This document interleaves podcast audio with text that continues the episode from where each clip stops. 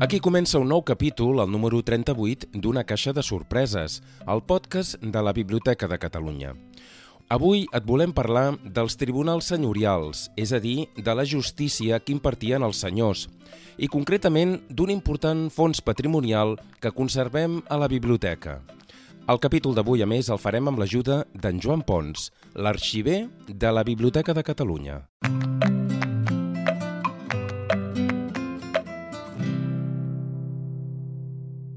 Una caixa de sorpreses, el podcast de la Biblioteca de Catalunya.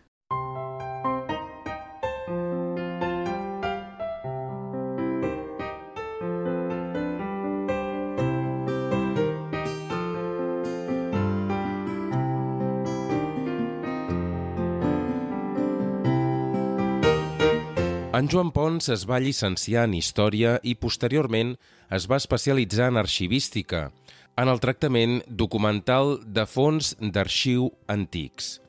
Ell és la persona que s'ocupa tant de l'arxiu administratiu de la Biblioteca de Catalunya, és a dir, d'aquella documentació que genera la gestió de la nostra biblioteca, des de la creació fins ara, i també dels fons d'arxius.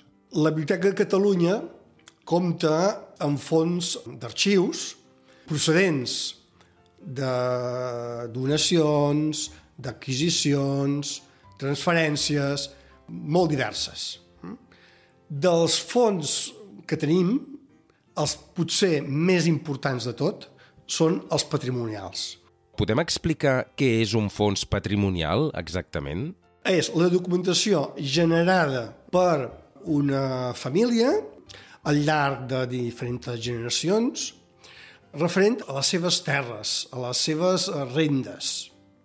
Es diu patrimonial perquè generalment, a part de que és de gestió, en general només ha conservat la documentació pròpiament referent a la gestió d'aquestes rentes, d'aquest patrimoni.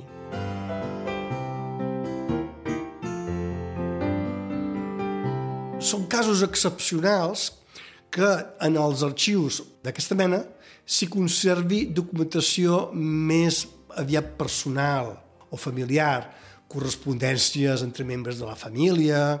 No vol dir que no n'hi hagi, però és excepcional. Hem d'entendre que durant de l'època medieval i fins a la segona meitat del segle XIX no existia els registres de les propietats, amb la qual cosa els propietaris de terres havien de tenir les escriptures, els títols de propietat, per les quals podien legitimar el dret sobre una determinada renda d'una terra. D'aquí que a l'època medieval eh, fos molt utilitzat el pergamí, eh? perquè el pergamí eh, té una, una gran durabilitat, no, no és com el paper era el material més usat. Eh? I per això eh, a la Biblioteca de Catalunya eh, també tenim pergamins antiquíssims. A través d'aquests arxius patrimonials podem saber de quina manera els senyors administraven els seus territoris i també com exercien la justícia. Amb aquests arxius patrimonials eh, és possible reconstruir la, el món senyorial, és a dir, el, com els nobles gestionaven els eh, seus dominis. Dominis i jurisdiccions. Què vol dir això? Volia dir que, a més a més de rebre unes rendes, també tenien dret d'exercir la justícia sobre uns determinats dominis, eh? que no tenien per què coincidir amb els, amb els seus, eh? es podien solapar amb altres, eh? però tenien capacitat d'exercir el dret, les jurisdiccions sobre uns determinats territoris.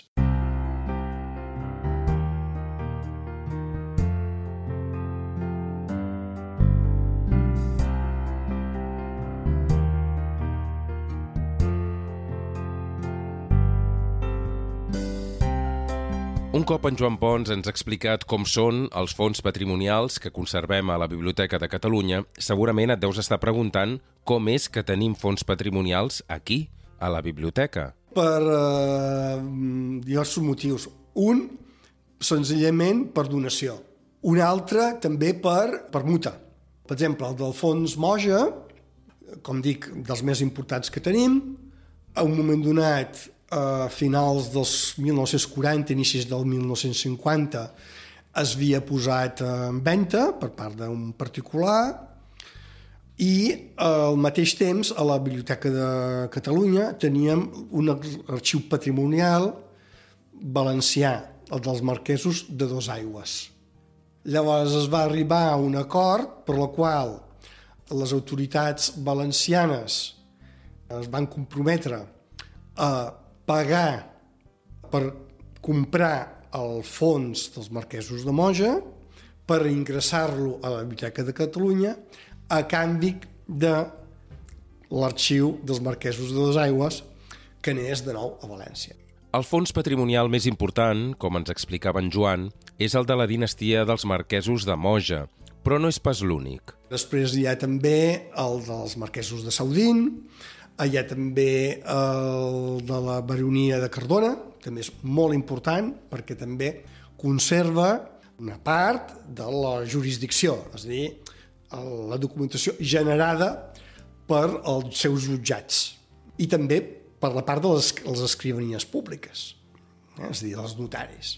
A part d'aquests que ens destacava l'arxiver de la biblioteca, també conservem altres fons patrimonials més petits. Aquests arxius patrimonials són d'un gran, gran interès per estudiar la història agrària de Catalunya. Eh? Les formes de transmissió de les propietats, les formes de gestió, les parts, diguéssim, més, més econòmiques de eh, les collites, els sistemes eh, de cultius, permet estudis realment molt, molt amples. I al mateix temps fer també comparacions, eh? perquè cada règim senyorial, cada jurisdicció i domini senyorial, que són dues coses diferents, era diferent. No tots eren iguals.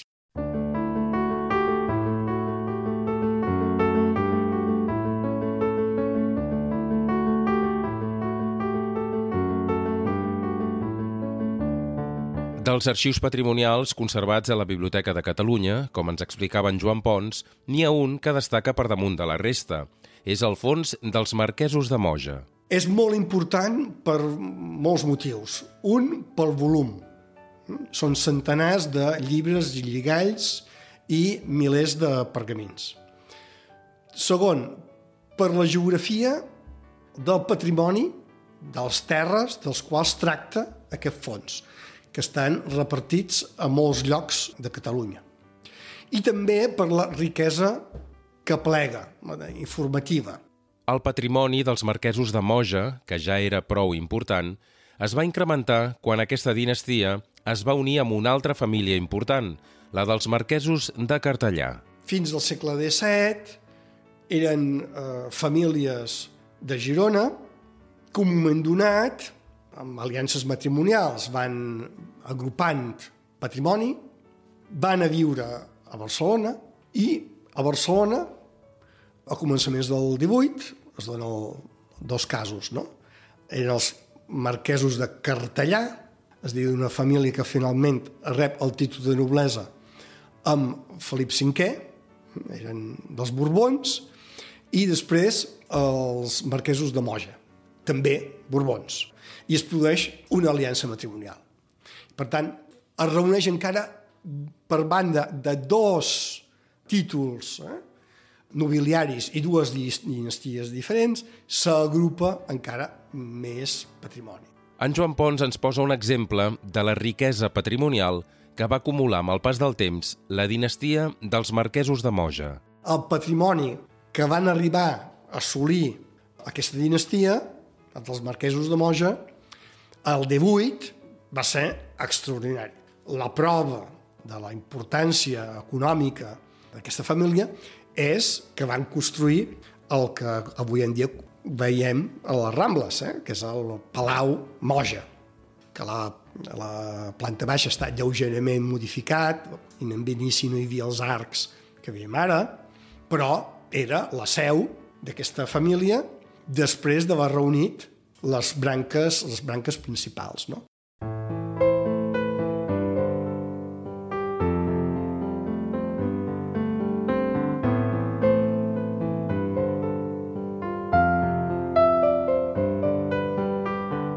Un cop situada la dinastia dels marquesos de Moja i també la seva importància històrica, és moment de saber com el marquès administrava la justícia en les seves pròpies terres. Els senyors el que solien fer, perquè ja un moment donat passaven a viure a la ciutat, era en aquell eh, territori nomenar directament un jutge, mm, que tenia el nom de mm, batlle, que era, solia ser un, un pagès del, del mateix lloc també, en alguns casos, un sotsbatlle. Però els que realment tallaven el bacallà eren els lletrats i els notaris. Eh? Els notaris per prendre acte dels, dels processos que s'obrien i també per al fiscal, que generalment solia ser un, un advocat. Davant d'un conflicte, les garanties d'un pagès per poder tenir un judici just eren molt poques. Succeïa que aquesta separació de poders, la capacitat coercitiva del senyor era molt forta. Per què? Perquè, clar, tu eres pagès d'un senyor i tenies un conflicte amb el pagament d'uns censos o dels delmes o de qualsevol prestació senyorial, no? Llavors, en primera instància, se te jutjava el, el jutjat del mateix senyor. Per tant, amb quines poques garanties podies tenir. Per això hi havia molt d'interès en fer pujar a vegades la quantia eh, de manera elevada per poder abocar que es deia, és a dir, poder eh, elevar el plet a una altra instància, a una instància reial que es considerava en aquest sentit més pública i, per tant, més independent a la senyorial.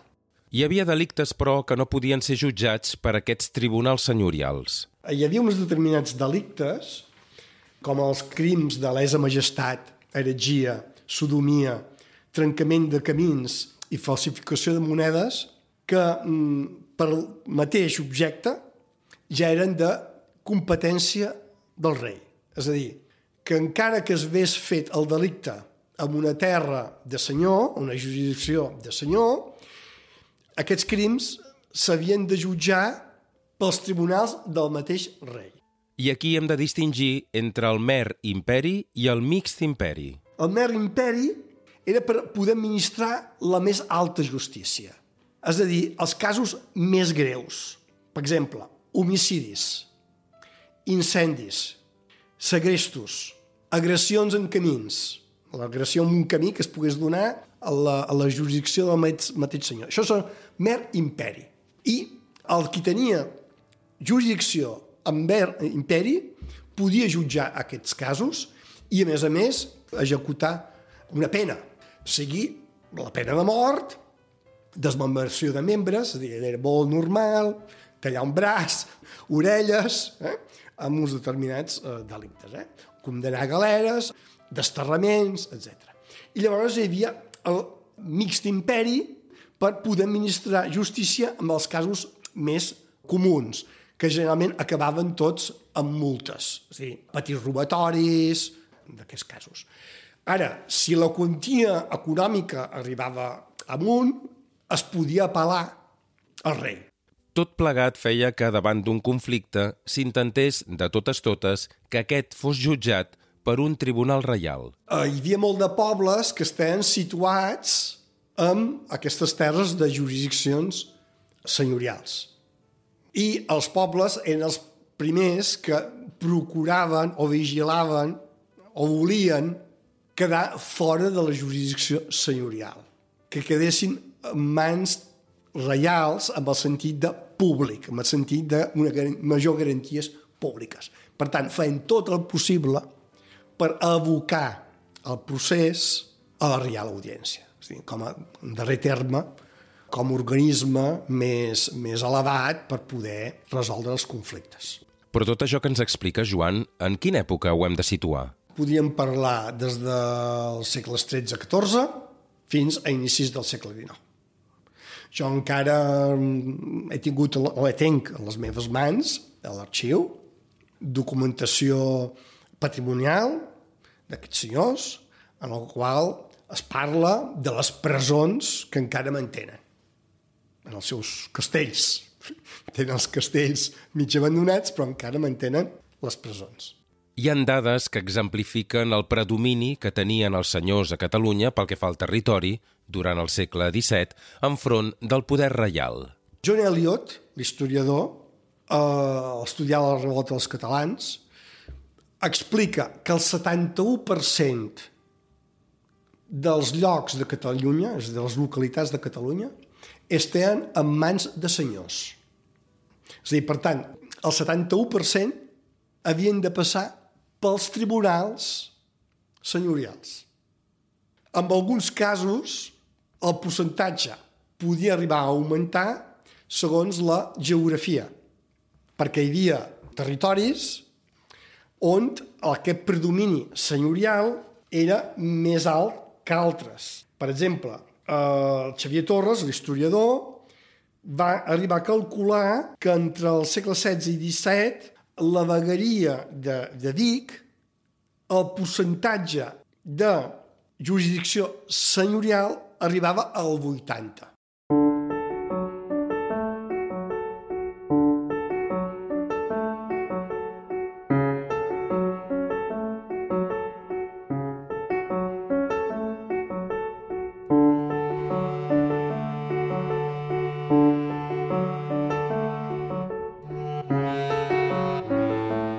Dins de l'enorme quantitat de documentació conservada, en el fons dels marquesos de Moja, trobem diversos tipus de documents. Aquesta documentació patrimonial podríem dir que té diverses sèries documentals.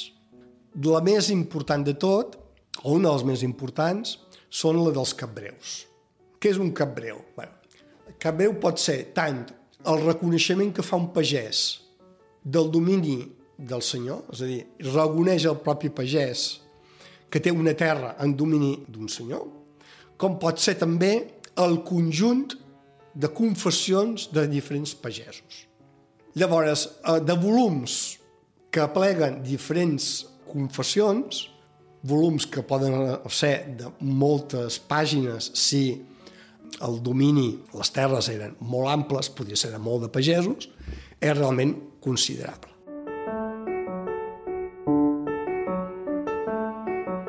El senyor podia d'una manera periòdica cridar a capbravar. És a dir, podia, a través, ho feia a través del batlle, podia, mm, o demanava en els diferents pagesos de la localitat que confessessin les seves terres.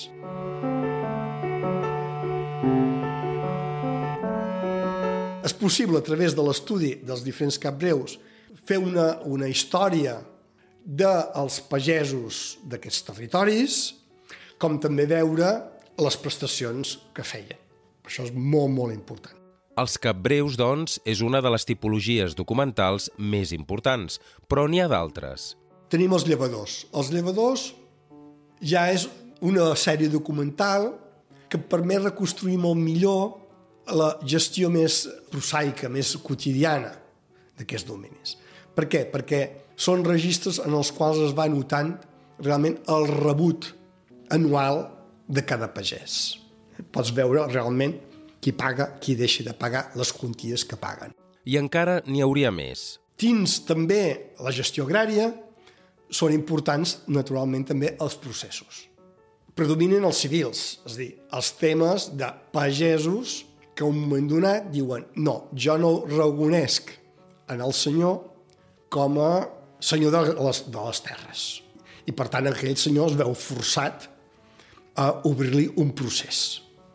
En aquest procés també es dona una gran quantitat de dades històriques, d'antecedents, dels títols de propietat, etc. No?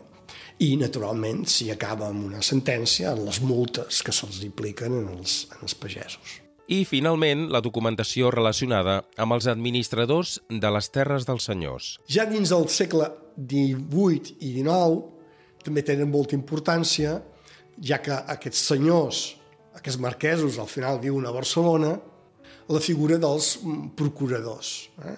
dels grans administradors d'aquestes terres, que al final es converteixen també en els qui porten d'una manera més, més punyent no? la gestió dels dominis.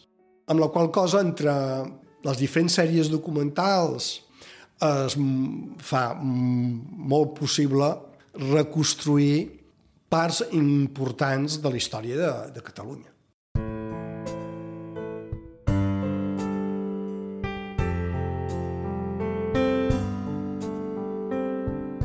El Fons Patrimonial dels Marquesos de Moja comprèn molta documentació de la província de Girona, però també d'altres territoris catalans, com ara Vilassar, el Maresme o el Baix Llobregat. En Joan Pons ens parlava d'un procés concret recollit en aquesta documentació i que va tenir lloc a final del segle XVI. Va ser un procés de Molins de Rei que em va cridar molt l'atenció perquè era un procés d'un mm, pagès que es va negar a delmar en garba, que es deia. I me va cridar tant l'atenció aquesta qüestió que li vaig comentar a la, a la professora mm, Eva Serra i va ser un dels pocs treballs que, que vam fer i estic molt content d'haver-lo fet amb ella abans de que malauradament es deixés vaig transcriure el, el procés i amb, i amb elles vam, vam fer un, una petita introducció explicant-lo.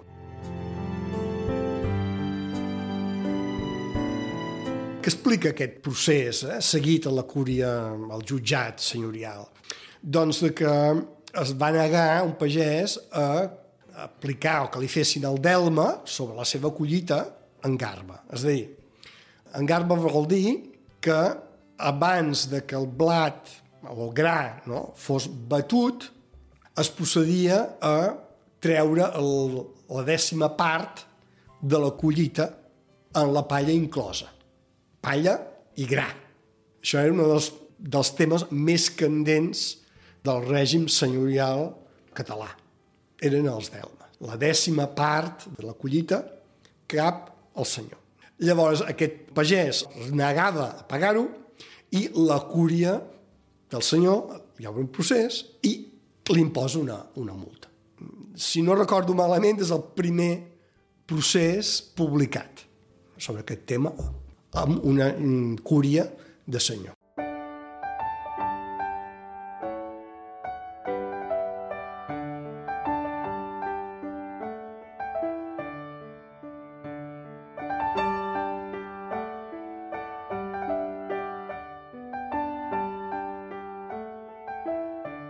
Arribats a aquest punt, en Joan Pons destaca un llibre per a ell imprescindible per fer-nos una idea de tot això que estem tractant en aquest capítol del podcast.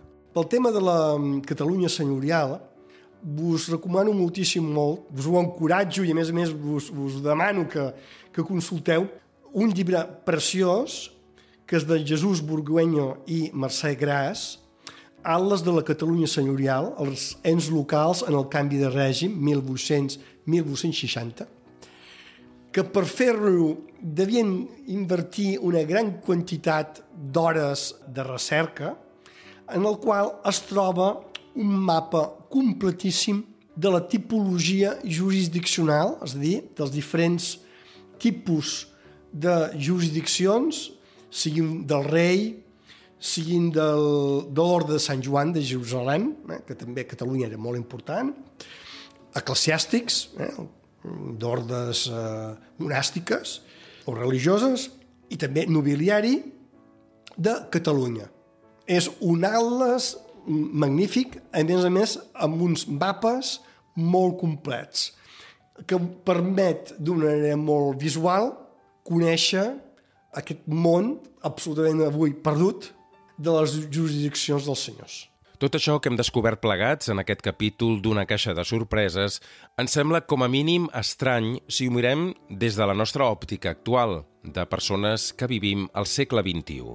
Ara no ens passa pel cap, o sigui, no ens passa pel cap en la nostra societat, que tenim assumit la, la separació de poders, un senyor amb un castell pogués també administrar justícia, pogués amb un jutge, en aquests moments anomenats batlles, amb uns eh, notaris, eh, amb un procurador fiscal, processar les persones i, a més a més, executar les sentències. Sentències que podien ser, fins i tot, de mort, eh? Vull dir, o desmembració de, de membres.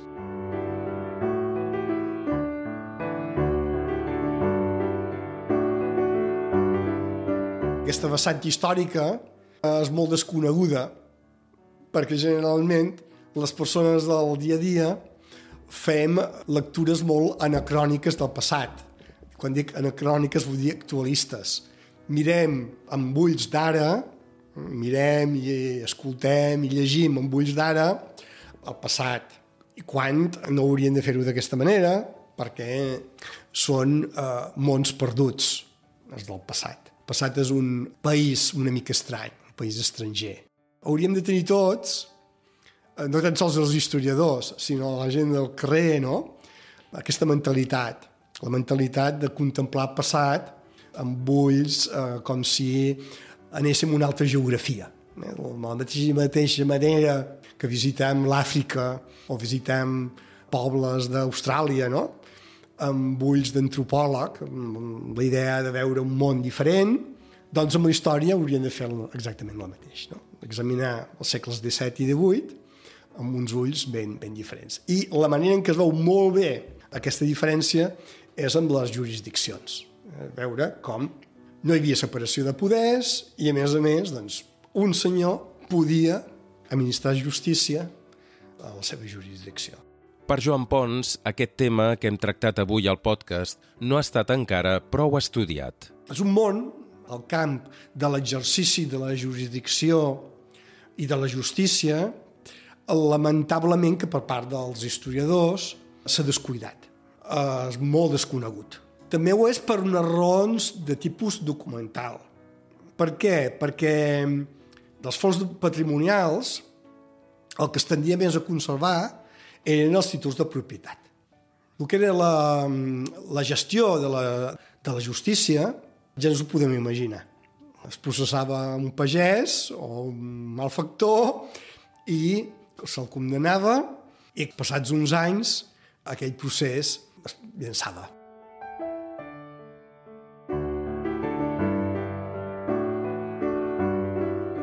Ha estat al segle XX que els historiadors han eixamplat els camps de visió de les temàtiques a estudiar que s'han interessat pels les bruixes, els bruixots, els heretges, pels pobres, pels malfactors, pels bandolers, eh?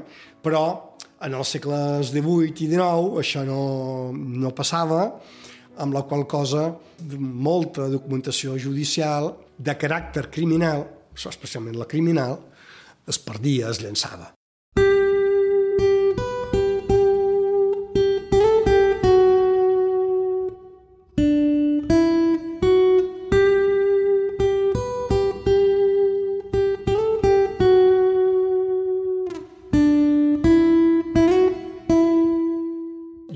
D'especial interès sobre aquest tema jurisdiccional i de patrimonial perquè a la biblioteca aquests fons estan infrautilitzats pels investigadors.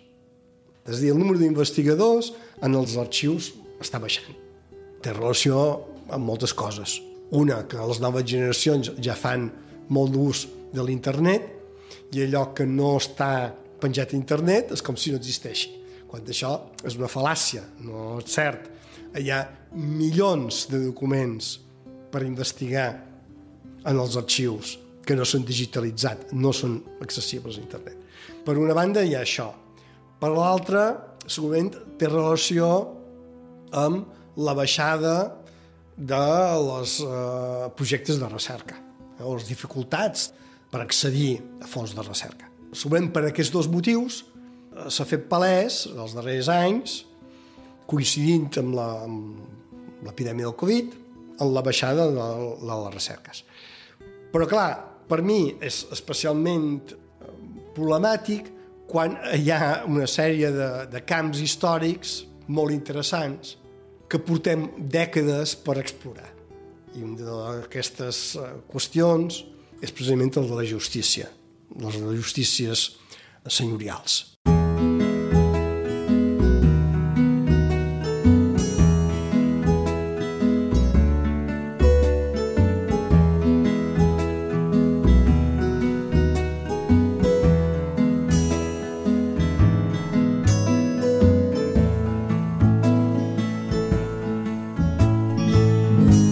Fins aquí arriba aquest capítol 38 d'Una caixa de sorpreses, el podcast de la Biblioteca de Catalunya.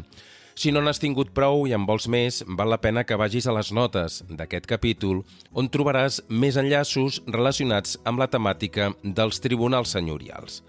La pàgina web del podcast és bnc.cat barra podcast i també ens pots escriure, si et ve de gust, per comentar-nos qualsevol cosa relacionada amb el podcast en general o amb aquest o algun altre capítol en particular. L'adreça electrònica on podeu enviar els vostres missatges és podcast arroba bnc.cat. Moltes gràcies per haver arribat fins aquí i fins al pròxim podcast.